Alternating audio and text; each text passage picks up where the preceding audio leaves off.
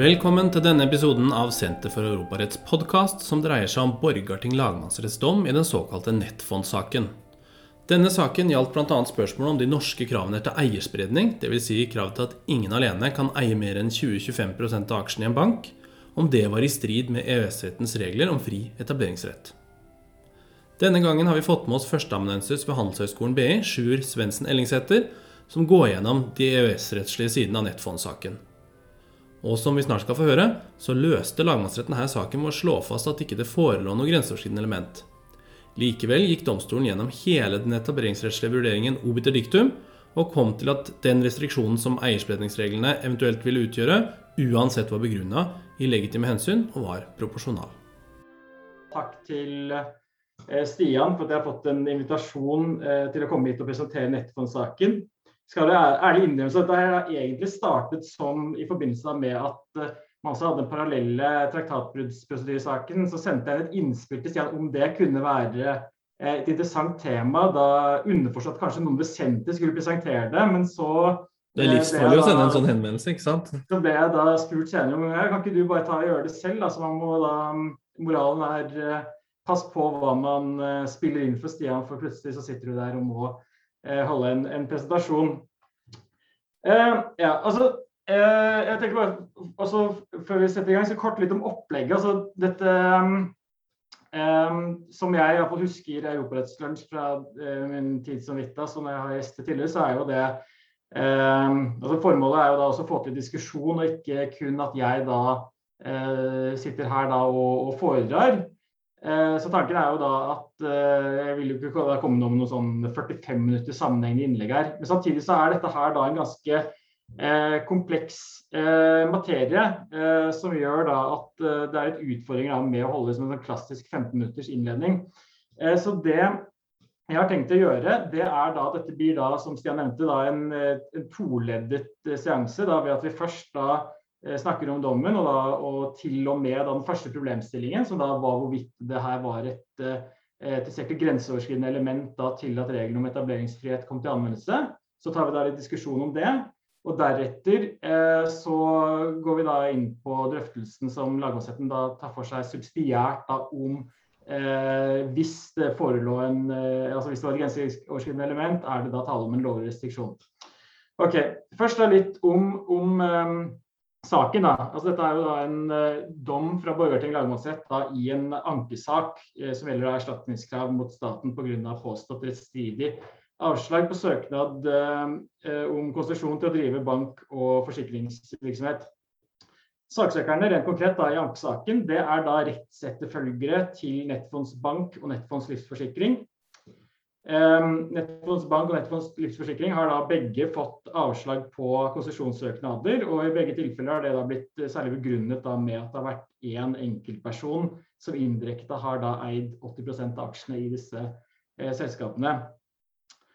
Um, og Det anføres da som grunnlag for dette erstatningskravet bl.a. at, uh, at dette eierspredningsvilkåret da, som man har praktisert ved å, å og som hovedregel ikke gi tillatelse til eh, banker som kontrolleres av aksjonærer som har da mer enn 20-25 av aksjene, at det da er i strid med reglene om eh, etableringsfrihet i EØS-avtalen og dermed gir eh, grunnlag for erstatningsansvar. Eh, så kan man stille seg spørsmålet som man alltid burde gjøre, hvorfor er dette da en dom som er interessant nok til å forsvare eh, et eh, lunsjseminar bestemt for Europarett?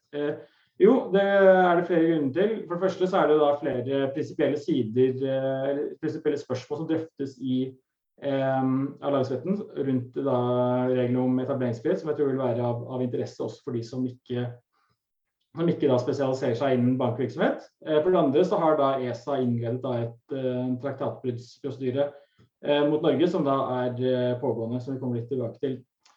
Um, i denne dommen så er det da ikke bare anført da EØS-rett eh, e som grunnlag for at eh, konsesjonsavslagene eh, eller søknadsavslagene var, var rettsstridige. Det er også da påberopt mer da generelle forvaltningsrettslige prinsipper da, utviklet av norske domstoler og i, norsk forvaltningsrettslig teori. Det kommer vi da ikke til å se på gitt forumet. Eh, Og Dessuten så vil jeg da for enkelhets skyld da fokusere på, på, den delen av dommen som da gjelder Nettfonds bank, og da ikke da Nettfonds livsforsikring. Og Litt av grunnen til det er at det er noen henvisninger da til sekundærlovgivning. og For enkelhets skyld så er det da lettere hvis man da kun kan holde seg til det som gjelder bankene. Selv om eh, regelsettene da er ganske like, så det som sies, eller henvisning til sekundærlovgivning på bankområdet, vil da også være dekkende for det for forsikringscaset. Ok, eh, Kort da om eh, bakgrunnen for søksmålet. Eh, da starter vi i 2005. Eh, Nettfonds, det som da eh, senere blir hetende Nettfonds Bank, det har da hittil drevet et eh, verdipapirforetak hvor det da opptrer som megler for kundene sine. Nettfonds Bank ønsker da på dette tidspunktet å kunne tilby kreditt til kjøp av finansielle instrumenter og de ønsker å finansiere denne, eh, denne kreditten ved bruk av kontanter som da står på klientkontoer som Nettfonds da har i egenskap av å være megler for, for kundene sine. Eh, det søkes om en slik søknad, og den innvilges da av Finansdepartementet. Eh, men her bemerkes det allerede da, dette med det eierspredningsvilkåret at eh, at det begrunnes eh, altså at eh, Innleggelsen av søknaden begrunnes da med at eh, til tross for at den ene aksjonæren da eier indirekte 80 av aksjene i Nettfonds eh, bank, eh, så, så, er det greit pga. at det er tale om nisjevirksomhet. Og at det da her, da, at det bemerkes at vilkår om eierspredning ville blitt sagt dersom bankens virksomhet, sett hen til opplysningene i søknaden og de vilkår som settes, hadde vært en annen. Underforstått, hvis dette har vært tale om eh, en full konsesjonssøknad til å drive full bankvirksomhet, så ville ikke konsesjonen eh, blitt eh, gitt. Um, senere så finner da Nettfonds ut at de ønsker å også kunne eh, ta innskudd generelt fra allmennheten, da, og ikke bare i form av ledige midler da, stående på klientkontoer. Så de søker da om en utvidelse da, av konsesjonen sin til å omfatte da, å ta innskudd fra allmennheten generelt. Um, besøkes da to ganger i 2011 og 2012, og i begge tilfeller så avslås søknadene da med henvisning til eierkonstellasjonen i, i Nettfondskonsernet. Um, så jeg skal kort da nevne noe om den grenseoverskridende aktiviteten som er opplyst om i dommen, i og med at det kommer vi tilbake til da i, i forbindelse med de EØS-rettslige vurderingene lagmannsretten foretar. Uh, det er nevnt at Netfonds da har utenlandske kunder hjemmehørende i, i EØS-området. Um, og Det nevnes da også at det har vært et forsøk på å kjøpe opp en litauisk bank i 2014. Ja, og Så eh, går vi da over til prosessen for domstolene. Den starter da i 2015, eh, da Netfonds etter å ha fått avslag på klage om nektelsen av innvilgelse av søknaden, da tar ut stemning for Oslo tingrett. Eh, samme år så beslutter Oslo tingrett at eh, spørsmål eh, bl.a. rundt om dette eierskapsvilkåret er forenlig med EØS-avtalens regler om, frihet, om etableringsfrihet, fri bevegelighet av tjenester og fri bevegelighet av kapital, da er forenlig med eller om praksisen er forenlig med disse reglene. Um, man får da eh, i 2017 eh, EFTA-domstolens eh, rådgivende uttalelse i det som da har blitt sak E816. I 2018 så altså avsier Oslo tingrett eh, dom. Eh, det konstateres da brudd på etableringsfriheten, eh, men Nettfondsbank tilkjennes imidlertid ikke erstatning, som da skyldes at tingretten kom til at Nettfonds ikke hadde lidd noe tap. Derimot kan det det til at søsterselskapet Nettfonds livsforsikring ble tilkjent Eh, erstatning på samme grunnlag. Eh, og det tror jeg var i størrelsesorden rundt 60 millioner kroner. Eh, dette medfører da både nettfondsbank og Nettfonds livsforsikring anker, og det gjør også da staten. Og saken kommer opp for Borgarting lagmannsrett, som da i mars i år avsier dom, hvor da staten frifinnes. Um, ja, så skal jeg nevne at det også parallelt er en åpen traktatbruddsprosedyre, eh, hvor ESA da kom med en grunngitt uttalelse 11.3 eh, 2020, som da Norge svarte på 11.6 samme år, hvor da Norge eh, opprettholder da i stor grad sitt syn på at den praksisen man har etablert, er forenlig med Norges EØS-rettslige forpliktelser. Det tror jeg da er det siste av offentlige dokumenter som da er tilgjengelig. Det skal også da nevnes at et, i etterkant av, av Oslo tingretts dom, så ble da sendt fra Europaretts egen Tarjei Bekkedal bedt om å utrede spørsmål rundt konsesjonssystemet og, og EØS-avtalen. Og den utredningen den kom med i 2019. Jeg nevner det fordi at vi senere kommer til å komme tilbake til noen av de, de synene han forfekter i den utredningen. Ok, det vi da som, eller det som da særlig lagmannsrettens dom gjelder, da, er da dette eierspredningsvilkåret ved konsesjonstildeling, som da går ut på at konsesjon normalt ikke gis til selskaper hvor enkelteiere da eier mer enn 20-25% av aksjene. Det er unntak da, som nevnt som for slik nisjevirksomhet, da, som bl.a. den typen virksomhet Netfonds drev med opprinnelig. Og I tillegg så er det da også et unntak ved etablering av finanskonsern. Så det er da ikke et absolutt vilkår eller noe absolutt hinder for at f.eks. et finansforetak da kan eie 100 av aksjene i et annet finansforetak. Um, det gjelder da jeg skal kanskje også nevne at det da gjelder um, praksis da om uh, eierspredningsvilkår ved etterfølgende erverv. Altså da hvis eh, um, aksjer i en bank selges etter at banken har fått konsesjon og blitt virksom, Eh, de reglene de berøres ikke direkte av saken, men er mer av indirekte betydning da, eh, i forhold til eh, egnethetsvurderingen, som vi kommer tilbake til senere. Ok. Um, skal se, så skal vi da, Før vi går til, til lagmannsrettens dom, skal vi da nevne kort da, litt om sekundærlovgivning av betydning på området. Um, de, den sekundærlovgivningen som gjaldt uh, i det tidsrommet da, som da uh, dommen knytter seg til, det var da såkalte CRD1-direktivet, som da nå er erstattet av eh, CRD4. Så vidt jeg ser, så er da reglene på dette, rundt dette spørsmålet fremdeles de, de samme. Disse EU-direktivene eh, e på bankområdet bygger på et sånt single passport-system, eh, hvor det da i utgangspunktet er tilstrekkelig å få konsesjon i én EØS-stat, som da gir deg rett til da å drive med grenseoverskridende tjenester da, inn i andre EØS-stater, eller etablere en filial i, i andre EØS-stater. Så det er kun da én posisjon som er, til, som er nødvendig for eh, å gjøre dette. Og motstykket da, eller hva skal jeg si, Selve grunnlaget for at man kan ha da et slikt single passport-system, det er jo da at man har eh, samordnede regler. For Hvis man ikke hadde det, så ville jo da Norge risikere at man måtte åpne for at banker eh, som er hjemmehørende i land som har vesentlig eh, mindre streng finansregulering i Norge, da eh, tillates å drive i, i Norge. Eh, og ja, og denne minimumsinvesteringen den gjelder da for det første bl.a. Eh, eierprøving ved behandling av konsesjonssøknad. Og her er det da, var det da CRD1 da snakk om minstekrav eh, til eh, hvilke vilkår nasjonale myndigheter må stille. Eh, Blant annet skulle da eh, foretas da en egnethetstest i henhold til artikkel 12.2, eh, men det var da ikke noe til hinder i direktivet for at man kunne ha tilleggsvilkår, f.eks. som et eierspredningsvilkår eh, utover de kravene som man må eh, oppfylle etter direktivet. Uh, og Det er også da slått fast i eh, EFTA-domstolens rådgivende uttalelse i, i, saken.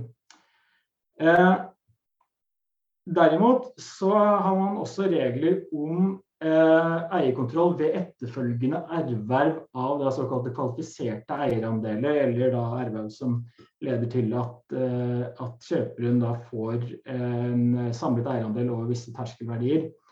Eh, og disse da kom da til gjennom et endringsdirektiv i 2007. Eh, og her så er det da bl.a. lagt til grunn i EFTA-domstolens uttalelse at her er det derimot tale om fullharmonisering. Så direktivet sier da at man skal foreta en egnethetsprøving, og angir da de omstendighetene som myndighetene skal ta i betraktning.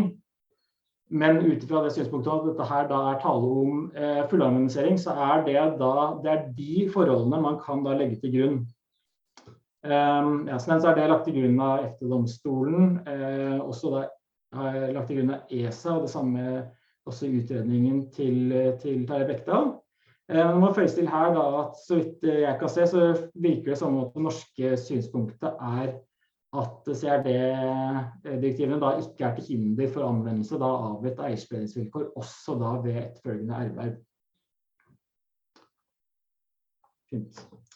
Ok, Da har vi kommet eh, til det første spørsmålet som, eh, som eh, lagmannsrettens dom tar for seg. Eh, og Det var jo da spørsmålet om det i denne saken forelå et eh, grenseoverskridende element. Eh, og Bakgrunnen for det, det er jo da at at EØS-avtalens fire friheter de tillater da såkalt omvendt eh, diskriminering. Dvs. Si at, at, at nasjonalstatene da kan ha strenge vilkår i, til, i, tilfeller som reguleres Eller beklager. At de kan da opprettholde i prinsippet da hva slags regulering de vil da, i tilfeller som da ikke har en grenseoverskridende dimensjon. Um, og det er jo da, kan man jo intuitivt tenke at kanskje dette tilfellet var i og med at det da var tale om eh, en norsk eh, bank som søker om norsk konsesjon, og da iallfall ikke har noe umiddelbart noen planer da, om å etablere da, en filial eh, i en annen EØS-stat. Riktignok så var det jo da tale om noen overskridende tjenester, men det kommer vi tilbake til. Um, men uh, EFTA-domstolen uh, uttaler seg om dette, dette, temaet. De sier at the cross-border element clearly appears to exist in the case. Uh, og viser da til at, at nettfondsselskapene da yter tjenester da til personer hjemmehørende i andre EØS-stater. og dessuten så var det da planlagt å, å erverve da en litauisk bank, det tror jeg var i, i 2014. Um, så ut fra uttalelsen til EFTA-domstolen så fremstår det her mer som et spørsmål om hvilken av de fire friheter er det etableringsfriheten eller de fri, eller fri bevegelighet av tjenester som dette, det, disse eierspredningsvilkårene innebærer et uh, inngrep i, snarere enn et spørsmål om man i det hele tatt er innenfor um, EØS-avtalen.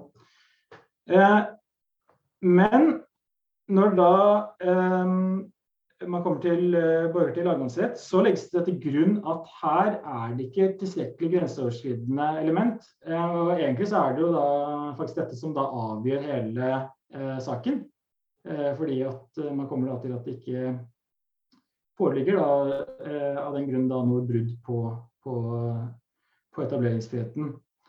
For det første viser det til altså, som jeg sa innledningsvis, resonnementet med norsk bank, norske aksjonærer, norsk konsesjonssøknad der man da ikke innenfor området til regler om etableringsfrihet.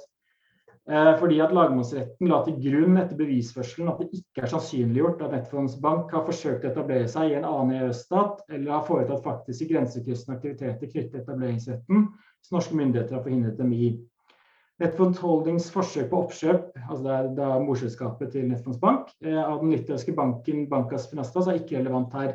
Dette gjelder både fordi verken NFB eh, eller eh, Nettfonds livsforsikring sto for oppkjøpsforsøket, og fordi erstatningskravet heller ikke er begrunnet i dette forsøket. Um, så det som fremstår her, det er jo da at resonnementet er tilsynelatende at hvis du ønsker å påberope deg eh, etableringsfriheten i forbindelse da med en søknad om eh, konsesjon til å drive bankvirksomhet i Norge, når du da er en norsk søker eh, eid av norske aksjonærer, eh, så er det, tilsier det at du da må nærmest ha gitt til kjenne da, en intensjon om at du da også vil etablere en filial i, i, annet, i en annen EØS-stat idet du får tillatelsen. Eh, og det vil jeg vel, altså det kan vi diskutere, men det vil jeg tenke er jo da et et, eh, må jo da være et riktig utgangspunkt. Det jeg tenkte da jeg sett på denne saken her, er et spørsmål som jeg ikke Jeg prøvde å se litt etter om det finnes noe, noe, tilsvarende praksis om, men det er jo at man kan stille seg spørsmålet og man kan argumentere for at dette er passportsystemet eh, kan være relevans ut fra da, en tanke om at eh, slik systemet er, så vil jo da en innvilgelse av en søknad til å drive bankvirksomhet i Norge, det vil jo da samtidig også gi deg en rett til å etablere deg i eh, andre EØS-stater, slik at man kanskje da kan se det slik eh, som at eh, at søknad om bankvirksomhet gitt av dette passportsystemet som sådan har på en iboende grenseoverskridende karakter. Det er interessant hvis noen har noen, noen synspunkter på, på, det, eller om det finnes relevante kilder rundt det. Um, ja.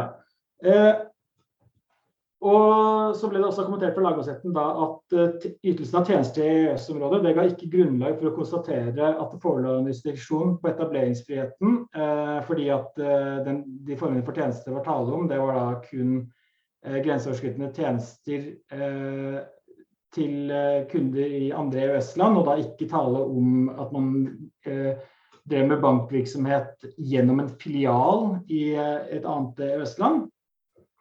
Og heller ikke så kunne man konstatere brudd eh, på reglene om fri bevegelighet og tjenester. Eh, fordi at det ikke er anført eller sannsynliggjort at selskapet ble forhindret i å foreta slike grensekryssende tjenester. Og så ble det også vist til at eh, her er det uansett at tale altså Det man i så fall påberoper seg, da, det er jo da reglene om fri bevegelighet og tjenester, som da ikke var påberopt i saken. Eh, ja.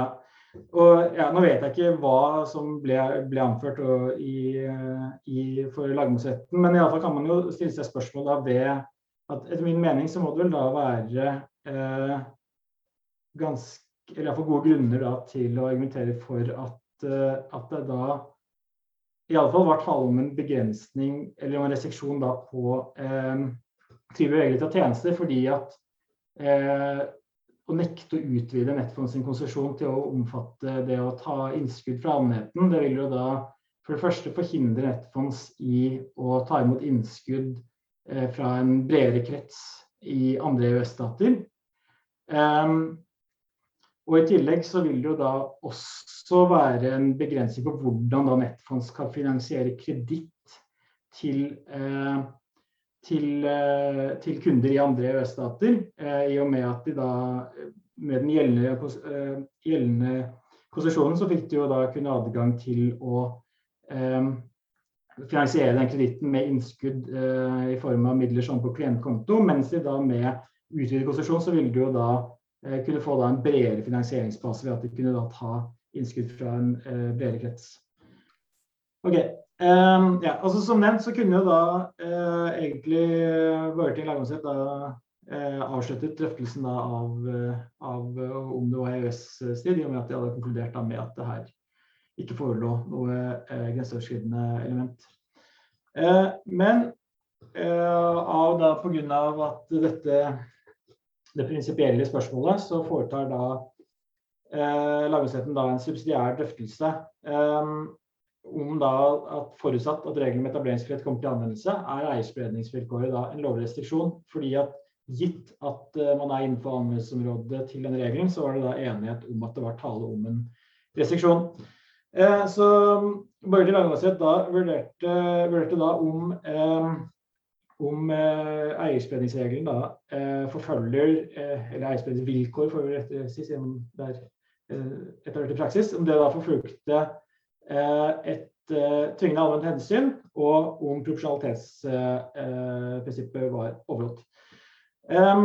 Og da var det et første spørsmål det var jo da hvilke formål vilkåret om eierspredning eh, egentlig eh, forfølger.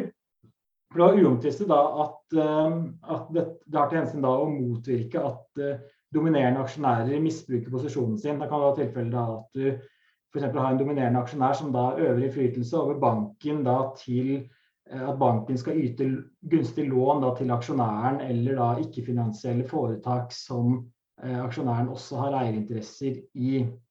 Det som derimot var mer eh, omtvistet, det var da eh, om dette vilkåret også da er begrunnet, begrunnet, i hensynet til finansiell stabilitet.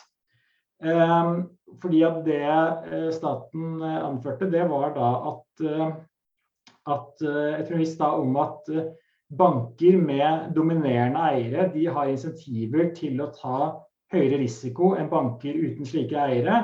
Og Ergo så er det da for å betrygge da, den finansielle stabiliteten, da, altså si, da, minimere f.eks. risikoen for å få eh, bankkriser, så er det da eh, nødvendig å begrense innflytelsen som eh, eh enkeltaksjonærer da har over banker. Um, det, jeg kommer ikke til å gå veldig inn på dette, fordi det er da mer en vurdering der lagmannsretten da tolker uh, forarbeidene. Um, så jeg tror de som er interessert i å se nærmere på den vurderingen og se om de er enig med, med Borgarting lagmannsrett, de får gjøre det. Uh, det som i hvert fall blir konklusjonen, det er da at lagmannsretten da mener at dette vilkåret forfølger begge formål. Det neste eh, spørsmålet det er jo da eh, om eh, som første da, ledd da, i proporsjonalitetsvurderingen, det er jo da om tiltaket er egnet. Og da var det slik at både EFTA-domstolen og lagmannsretten da la til grunn at tiltaket var egnet, men med noe forskjellige begrunnelser. EFTA-domstolen da er ganske kortfattet og sier at det her fremstår det som at dette her da er et, et egnet tiltak. Mens lagmannsretten da går veldig mye grundigere til verks med eh, henvisninger da, til økonometriske studier, eh, og også hendelsesforløpet på Island, hvor det da legges til grunn at eh, en viktig årsak for finanskrisen, at finanskrisen rammet Island så hardt, det var da at at da aksjonærene i disse største bankene hadde for stor innflytelse. Så det er interessant er, at Du kan egentlig si at Lagmannsretten har jo da eh, på sett og vis da, ganske høy prøvingintensitet av egnetheten. Eh, men her er det da slik at lagmannsretten eh, er veldig enig da, i de argumentene som fremsettes av staten. At eh, her er det et årsaksforhold da, mellom eh, eierkontroll og, eh, og risikotakning. Og av denne grunn så er da eierspredningsvilkår da eh, egnet til å fremme finansiell stabilitet. Det er interessant, da, det er ikke snakket så veldig mye om, om tingrettens dom her, men der har du en, eh, en også ganske in, intens prøving av egnetheten, men der man kommer til motsatt resultat, der hvor det er da at, at eksempel, at der også innlater seg på en kontrafaktisk, eller seg på en kontrafaktisk vurdering da, av Eh, av eh, kriseforløpet på Island, hvor man sier at nei, her var det det at du hadde sterke eiere, det hadde ingenting å si at det her da var svakt finanstilsyn som var årsaken. Um, ja. Det kan vi kanskje komme tilbake til da, hvis noen har kommentarer da, på hva som er en passende eh, prøvingsintensitet eh, rundt disse spørsmålene. Eh, så er det, da, eh, er det da også et annet aspekt ved eh, egnethetsvurderingen. Det er jo da at ehm, at restriksjonen da må fremstå som eh, altså tilfredsstiller krav til konsekvens, at du ikke da kan ha andre deler da, av det regulatoriske rammeverket da, som så å si nuller ut effekten da, av eierspredningsvilkåret. Eh, og Da er det et interessant spørsmål der. Eh, det er jo da Hvis man forutsetter da, at det er riktig at, eh, at CRD innebærer da, at man ikke kan etablere et sånt generelt eierspredningsvilkår ved kontroll med etterfølgende erverv av eh, andeler i banker, kan det ikke da argumenteres for at det å oppstille tilsvarende krav ved konsesjonstildeling er, eh, eh, er da inkonsekvent, i og med at eh, den virkningen av, av å oppstille slikt krav ved konsesjonstildelingen, det kan jo da lett eh, nulles ut hvis en senere erverver da kommer og stat, myndighetene ikke kan gjøre noen ting da, med å forhindre at denne nye aksjonæren da kjøper seg opp til uh, over 20-25 eh, Så vidt jeg kan se, så er dette da ikke eksplisitt kommentert av EFTA-domstolen. Eh, det, eh, det gjør derimot lagmannsretten, fordi at de trenger ikke ta stilling til hva egentlig som følger av sekundærlovgivning her, fordi at, eh, at en eventuell inkonsekvens som skyldes da av eller som da skyldes lovgivning som implementerer sekundærlovgivning, kan da ikke etter lagmannsrettens syn da medføre at andre tiltak på ikke-harmoniserte områder blir å anse som inkonsekvente og dermed feiler egnethetsvurderingen. Og Jeg viste da til det eh, Tarjei har skrevet i utredningen sin, at eh, han anser det som sikkert at harmoniseringen av eierprøving ved etterfølgende erverv ikke har noen direkte betydning for vurderingen av om medlemsstatenes ordninger for virksomhetskonsesjon er proporsjonale. Dette er en viktig side til konsistensvurderingen nedenfor. Dersom direktivet ikke har noen direkte betydning utenfor sitt saklige virkeområde, og dersom dette er prinsipielt begrunnet, så vil det være en form for snikharmonisering om man likevel lar det være styrende for proporsjonalitetsvurderinger ved praktiseringen av nasjonale regimer for virksomhetskonsesjon. Um, og det er for så vidt det vil jeg si at jeg er enig i det at det vil jo innebære da, altså for å bruke ordene, altså en snikharmonisering ved at du da også uh, harmoniserer mer enn det som direkte fremgår av direktivet. Men det er jo et spørsmål da om egentlig hva er det man prøver å fange opp da med, eh, med dette kravet til, eh, til konsistens. fordi at altså, Hvis formålet er å unngå restriksjoner som ikke er formålstjenlige, bør man da egentlig bry seg om hva som er opphavet til den manglende formålstjenligheten? Er det ikke egentlig et tips som happ om det er da eh, implementering av sekundærlovgivning, eller om det da er eh, lovgivning som eh, man har vedtatt på ikke-harmoniserte områder? Eh, det vil jeg synes vært interessant å komme tilbake til. og gjerne Hvis noen har sett om denne problemstillingen her har da vært oppe i, i, i, i praksis, eh, som jeg ikke har klart å finne når jeg har forberedt meg til i dag. Ok, eh, Greit. Så går vi til, over til den andre elementet da, i, i profesjonalitetsvurderingen, om eh, var nødvendig. Eh, EFTA-domstolen overlot, som de alltid gjør eh, ved, ved rådgivende uttalelser, vurderingen til, til den uh, foreleggende domstolen, altså Oslo tingrett. Men eh, i, i uttalelsen så gikk da uh, EFTA-domstolen langt i, etter min mening, da, i å, å, legge til grunn at man hadde alternative tiltak som medførte da at eierspredningsvilkår er unødvendig. Eh, hvor man da viser da til for eksempel, som eksempel da, at man kan stille vilkår da, som for, forhindrer da, eh, utlån på gunstige vilkår eh, til da, store eiere. Og at det da, i kombinasjon da, med en egnethetsvurdering skal, skal da sikre at, at hensynene som eierstyringsvilkåret forfølger, da, ikke forfeiles. Og at det kan det være et like, like godt tiltak som, som uh, eierspredningsregelen. Um, Lagmannsretten uh, kommer, kommer, til at disse begrensningene er nødvendige. Um, og slik ja, Litt oppsummert så vil jeg kanskje si at, at har at det er en toleddet struktur da, i argumentasjonen. Det er For det første så argumenteres det for at eierbegrensninger i et eller annet omfang er nødvendig. Eh, ved da at eh, alternative tiltak, altså f.eks. begrensninger på adgangen til å yte eh, lån til, til nærstående f.eks., som jo allerede følger av loven, men sikkert har kunne hatt enda strammere vilkår om, i, i konsesjonsvilkårene. Eh, de hindrer ikke at eiere kommer i posisjon hvor misbruk av eiermakt kan foretas, slik at vilkår om eierspredning i stor grad eh, vil forhindre. Eh, og så er det neste leddet. Det er da gitt dette premisset da, som ligger i grunn, da, at eierskapsbegrensninger i et eller annet omfang er nødvendig. Så er det derfor også tillatt med eh, å, å oppstille generelt vilkår. Eh, hvor det da sier at nødvendighetstesten er ikke til hinder for at staten vedtar generelle og enkle regler eh, eller vilkår som lett kan forvaltes og håndheves. Eh, hvor man da viser til eh, ulike dommer hvor da eh, EU-domstolen har uttalt dette.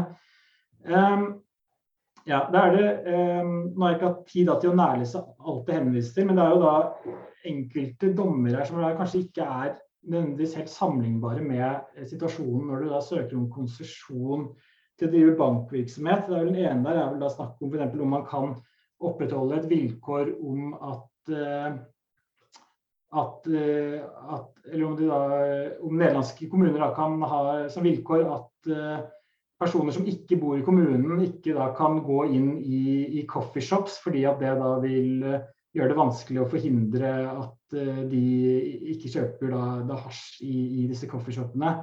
Som er jo på en måte, altså jeg tenker at Det er jo et helt annet reguleringskompleks, der du har utrolig mange individer som reguleres. Det er kontra situasjonen der hvor du faktisk da sitter eh, å vurdere altså Du er en situasjon der skal, da foretar da en skjønnsmessig vurdering av eh, om konsesjonssøknaden skal innvilges. Og den gangen kan du jo si da at er det litt argumentet med at du skal ha enkle og lett praktiserbare regler, er det egentlig gjør det seg så gjeldende med så stor styrke her? Det som kunne vært interessant, hadde vært at lagmannsretten hadde eh, kommentert forholdet til EFTA-domstolens dom i sak 1911, eh, som da kort oppsummert den gjaldt da eh, hvorvidt Eh, reglene man da tidligere hadde i, i børsloven og eh, da verdipapirregisterloven, om de eh, lot seg forene med eh, etableringsfriheten og fri bevegelighet av kapital. fordi at de reglene bygde på et ganske likt system som eh, dette eierbegrensningsvilkåret. Eh, ikke helt likt, men ganske likt. Det var da en hovedregel at ingen kan erverve mer enn 20% av aksjene i et selskap som driver et regulert marked etter børsloven. Eh, så var det da et unntak for altså, holdingselskaper som eier datterselskaper eh, som for det meste driver eh, regulerte markeder. De kunne da fritt eh, erverve mer enn 20 av aksjene. Og så var det et annet unntak der du hadde, hadde da drivere av regulerte markeder som kunne få tillatelse, forutsatt da en eh, egnethetstest. Eh, og det at en slik generell dispensasjonsadgang, eller generell, da, si, altså generell adgang til å få tillatelse mot oppfyllelse av, av, av egnethetstesten, det ble da lagt til grunn av EFTA-domstolen at det var da en, ikke en nødvendig restriksjon. Hvor det da ble lagt til grunn at eh, slik eh, alternativ, eh, et slikt alternativ midler det kunne da oppfylle da de samme midlene med da kontroll av eiere av regulerte markeder, selv om det da er administratively more burdensome. Og da sånn henvisning da til et sånt egnethetsprøvingsregime. At det, det, vil være tilstrekkelig til å, å ivareta de andre hensynene på en mindre inngripende måte. Um, når det er sagt, så kan vi si at lagmannsretten har uansett ryggdekning her for at de da finner at det for øvrig var klart at hensynet bak vilkårene om eierspenning slo til også overfor Nettfonds Bank ut fra deres trass i selskapets begrensede størrelse og uh, virksomhet. Uh, til slutt så ble det altså kort fastslått at eierspredningsvilkåret det oppfyller kravet til forholdsmessighet i sted forstand da i den grad et slikt eh, vilkår gjelder i denne saken.